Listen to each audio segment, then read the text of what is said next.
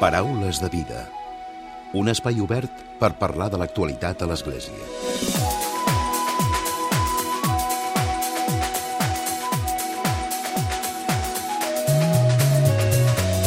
Què tal? Salutacions i molt bon dia, molt bon diumenge. Avui us volem parlar de la creació del Centre d'Estudis Antoni Gaudí. De fet, la Facultat Antoni Gaudí i també la Fundació del Temple Expiatori de la Basílica de la Sagrada Família han acordat crear aquest Centre Internacional d'Estudis Avançats Antoni Gaudí i també els seus col·laboradors. La finalitat principal d'aquest centre serà la recerca i la divulgació a nivell científic de la persona i de l'obra d'Antoni Gaudí i dels seus col·laboradors les quals seran complementades per l'organització de congressos, simposis i cursos referents a Gaudí i als qui van col·laborar amb ell. En tant que realitat acadèmica de l'Església Catòlica, el centre neix amb l'aprovació i l'encoratjament de la Santa Seu, concretament de la Congregació per l'Educació Catòlica. De seguida en parlem i ho fem en conversa, en aquest cas amb la Rosa Ribas, ella és la secretària general de la Fundació Antoni Gaudí. I com sempre, tancarem el Paraules amb el nou comentari de l'actualitat de Francesc Romeu. Comencem.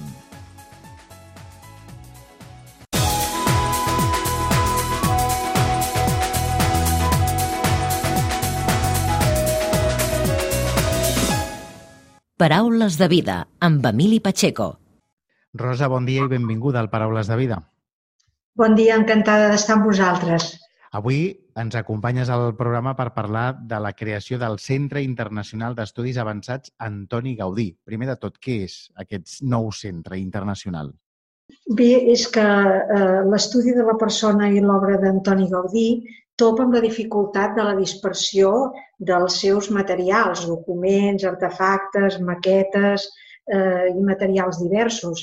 Llavors, eh, l'objectiu fonamental i principal d'aquest centre és poder tenir còpies o originals de tots aquests materials per tal de que estiguin a la disposició dels estudiosos eh, a nivell de tot el món. Mm. Aquest és l'objectiu principal i aquest és el motiu de la creació d'aquest centre internacional. Uh -huh. Per tant, diguéssim que recopilar tota aquella informació, com dius, no? que està dispersa i a partir d'aquí doncs, que es pugui continuar difonent la seva obra, no? però d'una manera potser més ordenada. Sí, que es pugui continuar difonint la seva obra i sobretot amb unes finalitats molt concretes que eh, les anunciaré breument. Eh, per una banda, fer eh, crear un banc de dades online amb tots aquests materials, documents, materials plàstics, etc., relatius a la figura d'Antoni Gaudí, però també dels seus col·laboradors. Per altra banda, habilitar uns espais eh, en el centre destinats a aquesta comesa i uns serveis també de maroteca, biblioteca, fonoteca, arxiu fotogràfic, il·lustracions, eh, per tal que estiguin disponibles per als estudiosos. Per altra banda, també efectuar una interpretació fonamentada i sòlida de caràcter científic de la persona d'Antoni Gaudí, dels seus col·laboradors, que, mm, que ajudi i permeti aprofundir en tota la seva obra i els seus, els seus contextos. I en aquest sentit, eh, voldria comentar també que eh, és important dir, poder comentar, que hi haurà unes línies de recerca que inclouen àrees diverses. Quines són aquestes eh, línies de recerca? Són pràcticament en quatre àrees. Per una banda, l'àrea del simbolisme, eh, l'àrea del simbolisme, eh, la teologia catòlica, la Bíblia, la litúrgia, però també la història, també la natura, també les tradicions populars, si un àmbit molt ampli en aquest sentit del simbolisme. Una altra àrea, per descomptat, és l'àrea de l'arquitectura, que no només inclou l'arquitectura, sinó doncs, el disseny, la geometria, els estudis de so i de llum, l'organització del treball, tots aquests aspectes entorn de les qüestions arquitectòniques. Per altra banda, també mm, l'àrea dels, dels contextos de la persona d'Antoni Gaudí i els seus col·laboradors, els contextos geogràfic, econòmic, social, polític, estètic, ideològic, etc. I per altra banda també l'àrea de les influències, el que nosaltres anomenem univers Gaudí. L'univers Gaudí i els seus col·laboradors, en diferents escoles arquitectòniques i diferents autors i arquitectes i artistes de, de, de tot el món. Aquestes serien les quatre grans àrees de recerca. D'aquest nou centre que, com ens explica la Rosa, ha començat a funcionar fa molt poc, que s'ha fet una presentació oficial. Rosa, no sé si potser la faceta més coneguda d'Antoni Gaudí és la de com a arquitecte, però ell tenia altres facetes, com tu ara has anat dient, no? que, que són importants de, de destacar i que la gent conegui, no?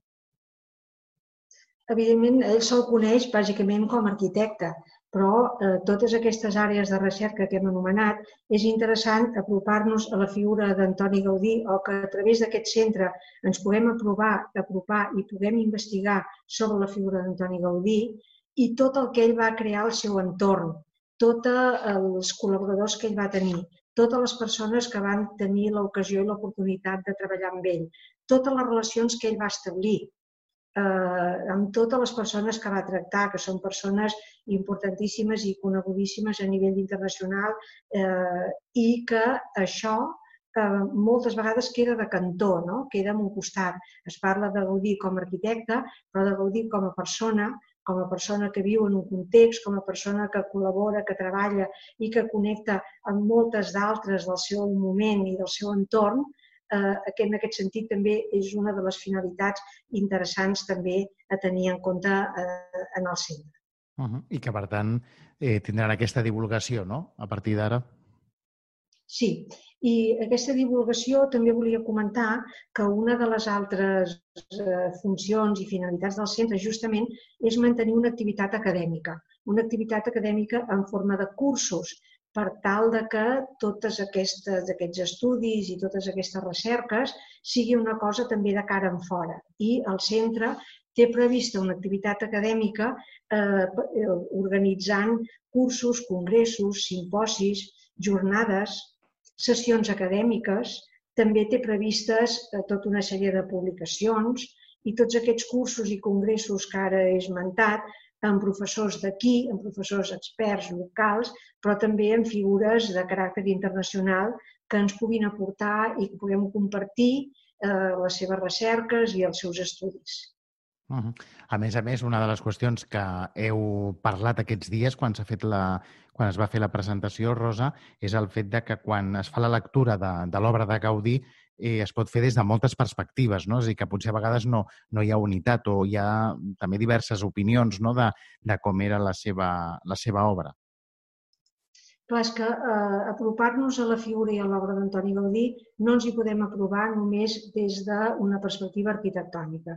Ens hi hem d'aprovar també tenint en compte el pensament de Gaudí, tenint en compte eh, totes les seves influències que ell mateix va tenir, i tenint en compte i podem fer una lectura, per exemple, de tots els símbols que ell posa en totes les seves obres.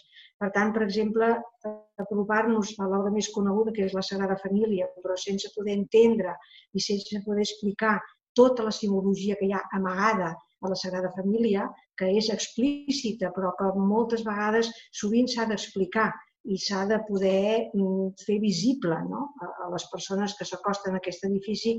Tot això és importantíssim. I a més a més des d'una visió inclusiva, no? És a dir, de, que, mm, de no restar sinó de sumar. Exacte. Eh, és qüestió de veure la persona d'Antoni Gaudí i també, evidentment, eh, tractant-se també dels seus col·laboradors des de diferents perspectives i eh, per poder tenir justament una visió real, una visió unitària de tota la seva obra i de tots els seus projectes, d'ell i de les persones que l'envoltaven. Rosa, és un projecte, mm, pel que ens estàs explicant avui al Paraules de Vida, molt eh, ambiciós, força ambiciós. És un projecte molt ambiciós que nosaltres comencem d'una manera molt humil des de la Facultat Antoni Gaudí eh, i des de la Sagrada Família. Evidentment, a més a més, amb les circumstàncies que ens trobem, doncs eh, també és complicat no? de, de, de trobar... Això li dona un, li dona un plus més, no? De, diguéssim, de, de Bé, dificultat, no? ho intentem, ho intentem.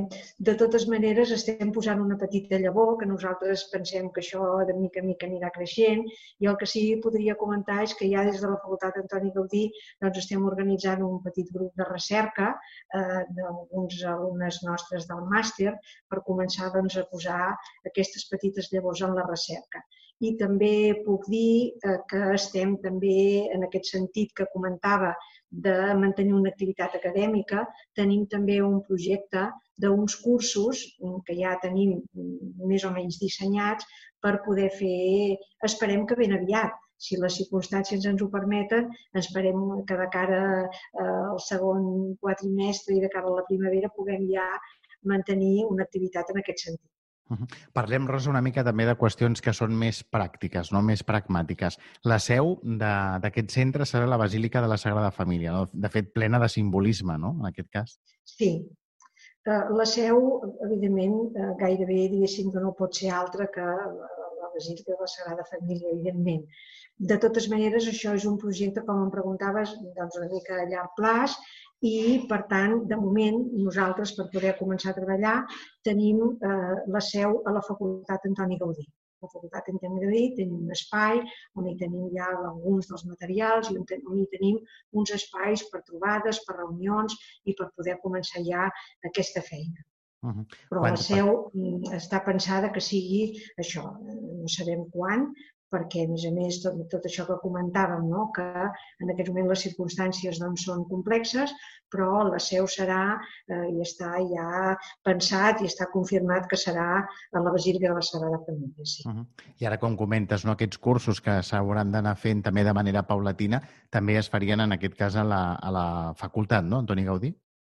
Sí, sí, de moment tota l'activitat del centre, tant l'activitat de recerca com l'activitat que hi pugui haver de cursos, congressos o eh, sessions acadèmiques, eh, la seu és a la Facultat Antoni Gaudí. Uh -huh. Sí, sí.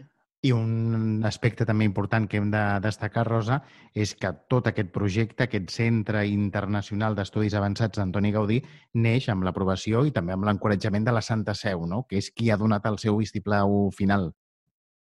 Exacte, sí, sí, sí. És el que ha donat el vistiplau final i també hem de dir, i això està expressat d'una manera ben explícita, que eh, el cardenal Joan Josep Omella, arcabisbe de Barcelona, gran canceller de l'Ateneu Universitari i també president de la Fundació de la Junta Constructora del Temple de la Sagrada Família, és el que també està eh, darrere i el que també eh, promociona i eh, encoratja que això pugui tirar endavant.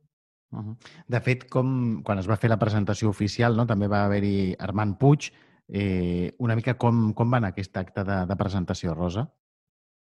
Bé, l'acte de presentació va ser un acte molt simple, com dic, per les circumstàncies també que ens trobem, i en aquest acte de presentació es va fer a la Basílica de la Sagrada Família i va haver doncs, alguns representants d'aquest centre, el senyor Esteve Camps, el, el doctor Armand Puig, també el doctor David Abadies, que és el degà de la nostra facultat, i eh, el doctor Jordi Faulí, que és el director de les obres, com sabeu, de la Basílica de la Sagrada Família, i jo mateixa. Va ser un acte de presentació breu, però eh, va semblar important de poder-ho fer perquè això ja es conegués la seva, el seu naixement i les funcions que anirà tenint eh, tot, aquest, tot aquest centre.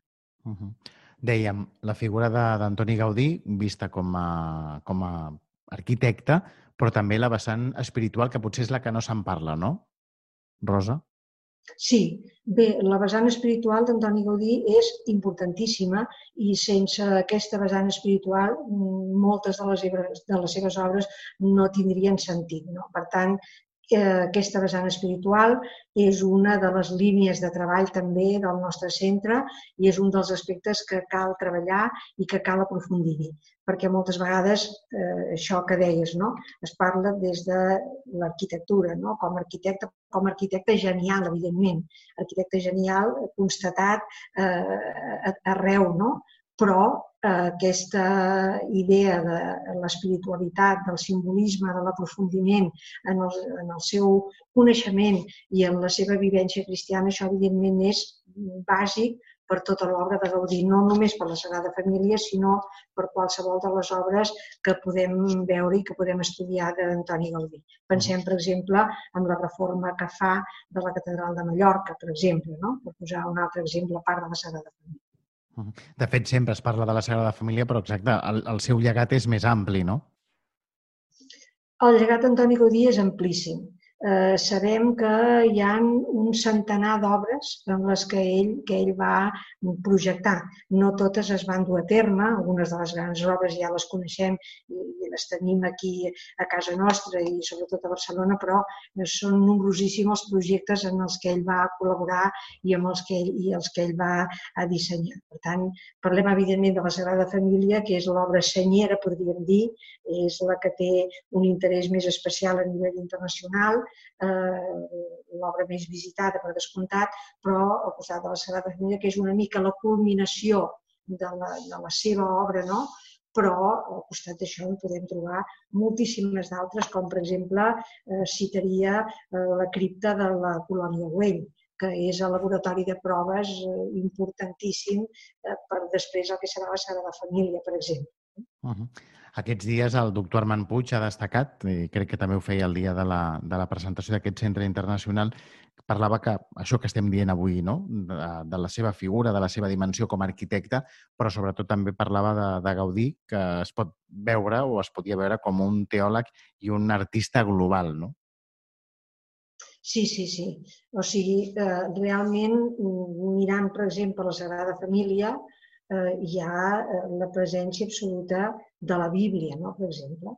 Llavors ell era un coneixedor profund de la Bíblia, però també, per exemple, de l'ànea litúrgic de Don Guéranger, que el coneixia de pe a pa, i per tant, sense tots aquests aspectes espirituals no es pot entendre el simbolisme de les seves obres i no es pot entendre el sentit profund de la seva obra. Ens quedaríem amb una qüestió molt superficial si només parléssim de les qüestions tècniques i arquitectòniques del mestre. Mm. És un projecte, com diem, ambiciós, però que, com diu la Rosa, neix de manera modesta, a poc a poc. No sé quin és el, Rosa, el calendari que teniu previst. És a dir, ara s'ha posat en marxa. De fet, ja hi ha hagut una feina prèvia, no? Abans de fer aquesta presentació de, de, del tret de sortida del centre internacional, hi ha hagut una feina prèvia i a partir d'ara doncs el que s'ha d'anar fent és amb un calendari fent, fer activitats no? i donar visibilitat a aquest centre. Sí, això anirà sent molt de mica en mica, perquè, com dic, les dificultats que tenim en aquest moment són tampoc ens permeten poder-nos moure i poder fer grans coses, no? Però, eh, de mica en mica, doncs, grups de treball, grups de recerca, organització de cursos, congressos, simposis, després en vindran segurament les publicacions i de mica en mica, amb una xarxa de relacions dels estudiosos d'aquí i dels estudiosos d'arreu del món, anar creant aquesta xarxa i anar eh, ajudant i col·laborant a interpretar tota l'obra d'Antoni Gaudí i també, això vull remarcar-ho com a molt significatiu, també els seus col·laboradors. És mm. ell, però ell com a figura essencial, evidentment, però també els seus col·laboradors. Heu tingut, Rosa, ja per acabar, alguns inputs de persones que s'hagin interessat, d'experts, d'estudiosos de, de l'obra de Gaudí, que s'hagin interessat ja en saber què és el que fareu? Bé, de moment encara no hem pogut connectar, no hem tingut ocasió de connectar. De totes maneres, ja hem tingut eh, tota una colla de persones que ens han escrit, que ens han trucat, que ens han demanat per poder-nos veure i interessats, per exemple, en col·laborar, interessats en poder apropar-se a nosaltres i per veure en aquests objectius i aquestes, eh, aquestes idees que hem comentat una mica, com ells poden col·laborar i poden, eh, d'alguna manera, també ser-hi presents en aquest centre. Doncs Rosa, gràcies avui per haver-nos acompanyat al Paraules de Vida, per haver-nos explicat aquest tret de sortida de, del que és el Centre Internacional d'Estudis Avançats Antoni Gaudí. I molta sort. Moltes gràcies a vosaltres. Fins una altra. Adéu-siau. Paraules de Vida. Solidaritat i compromís.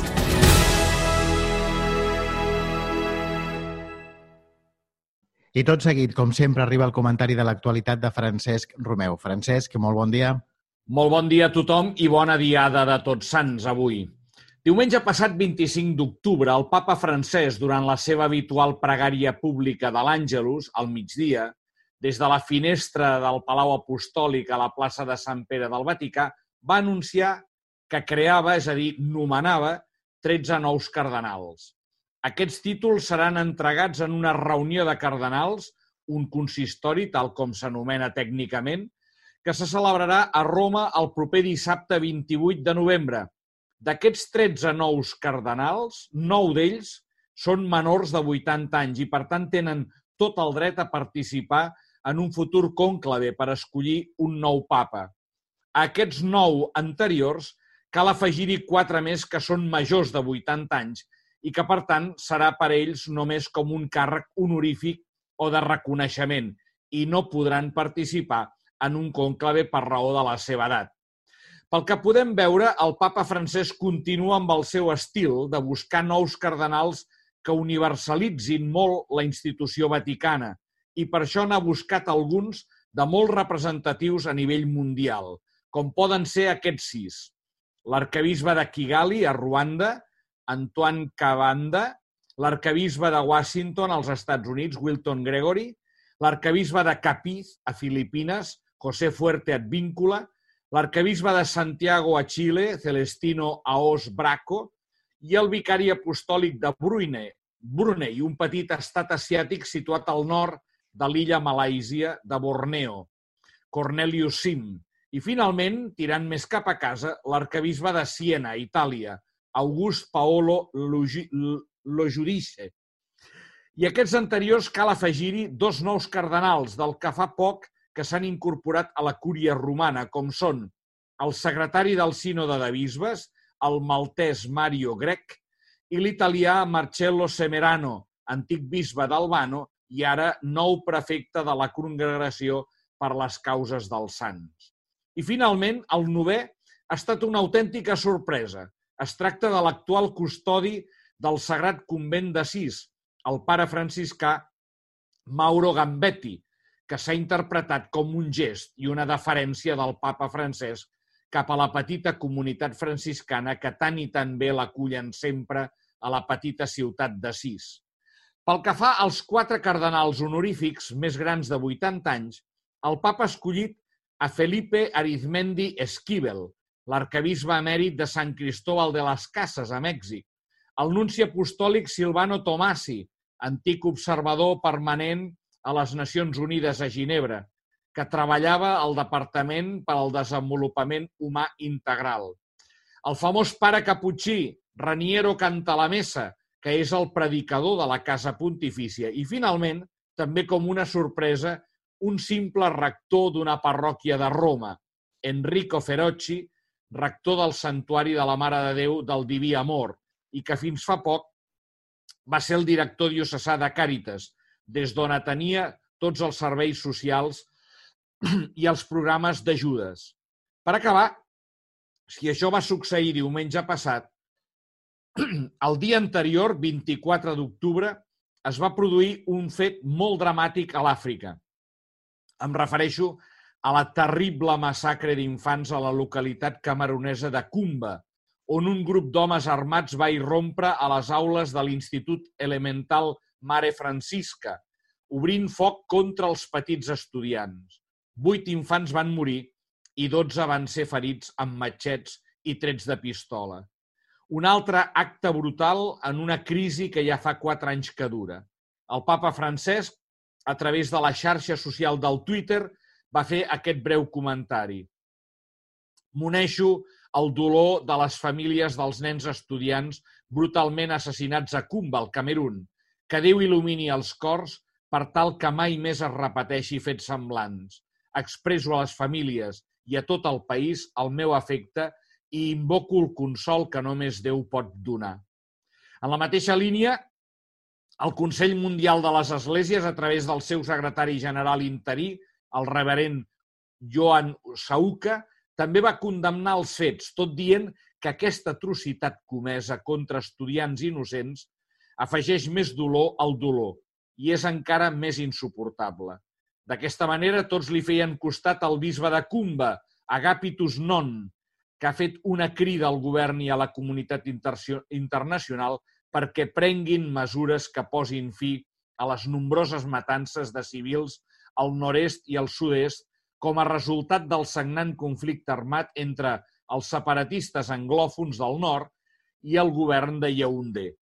Des de totes les instàncies internacionals es demana que es facin esforços per a un diàleg mundial i més inclusiu per abordar els actuals problemes de seguretat humanitaris i de drets humans a les regions afectades. Molt bon diumenge a tothom! Paraules de vida amb Emili Pacheco.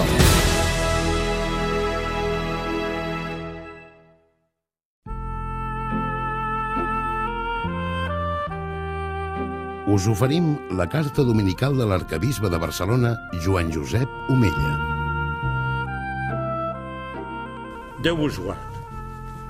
Avui que celebrem la solemnitat de tots els sants, voldria apropar-vos a la figura de Joan Roig Dígel, un jove de la nostra arxidiòcesi que serà beatificat el proper dissabte, dia 7 de novembre, a la Basílica de la Sagrada Família.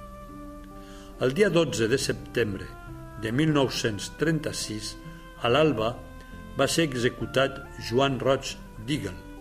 El motiu de la seva mort només va ser un.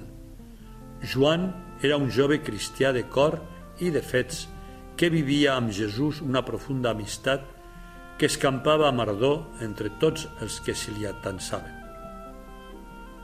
Pocs instants abans de deixar el domicili familiar, al Nou, on l'havia anat a buscar un escamot d'homes de la FAI, organització anarquista radical, Joan Roig es va adreçar a la seva mare, amb qui parlava en anglès, i amb veu dolça li va dir God is with me, Déu és amb mi. Amb aquesta afirmació, el jove començava el seu camí de passió com Jesucrist. Volem proposar amb alegria la vida del nou beat a tot el poble cristià com un tresor de bondat i de santedat. Joan Roig no és una figura d'un temps allunyat. La seva manera de ser i de fer parla al nostre temps, complex i difícil, que coneix el flagel de la pandèmia del coronavirus que ha estès el sofriment i la solitud i que està provocant la mort de milers de persones, la majoria gent gran. També la vida i la mort de Joan es van donar en un temps convuls i incert, en què els conflictes i les injustícies es pretenien resoldre per la via de la violència. La profunda relació de Joan amb Déu el va fer ser conscient de les dificultats socials i econòmiques del moment i a voler intervenir activament a la cerca de solucions. Som davant d'un jove de 19 anys, treballador i estudiant, home de cultura sòlida e infatigable, lector dels documents papals, que és capaç de comunicar el valor immens que té el pensament social de l'Església. Analitzant la situació del seu temps, en alguns aspectes semblant a la crisi que estem vivint ara, el jove màrtir destacarà l'existència d'un anel de justícia social al si de la societat, però alertarà del risc que aquest anel cerqui la solució per la via violenta. Ell defensarà que l'única i verdadera justícia social és la que surt de l'Evangeli de Crist i la que es plasma en la doctrina social de l'Església. Desitjo de tot cor que la intercessió d'aquest jove que va viure en clau d'amor tota la seva vida ens ajude a descobrir la nostra veritable vocació de lliurament a Déu i de servei amorós als germans, i ens ajudi a ser bona llavor que transformi i evangelitzi tot el món. La sang dels màrtirs és llavor de nous cristians, tant de bo que la llavor sembrada per Joan doni molt de fruit. Benvolguts germans i germanes, us demano que pregueu perquè tots, per intercessió del beat Joan Roig Dígel, descobrim Déu que habita en el nostre interior i siguem capaços d'acollir i seguir les inspiracions d'aquest jove màrtir. Us hem ofert la carta dominical de l'arcabisbe de Barcelona, Joan Josep Omella.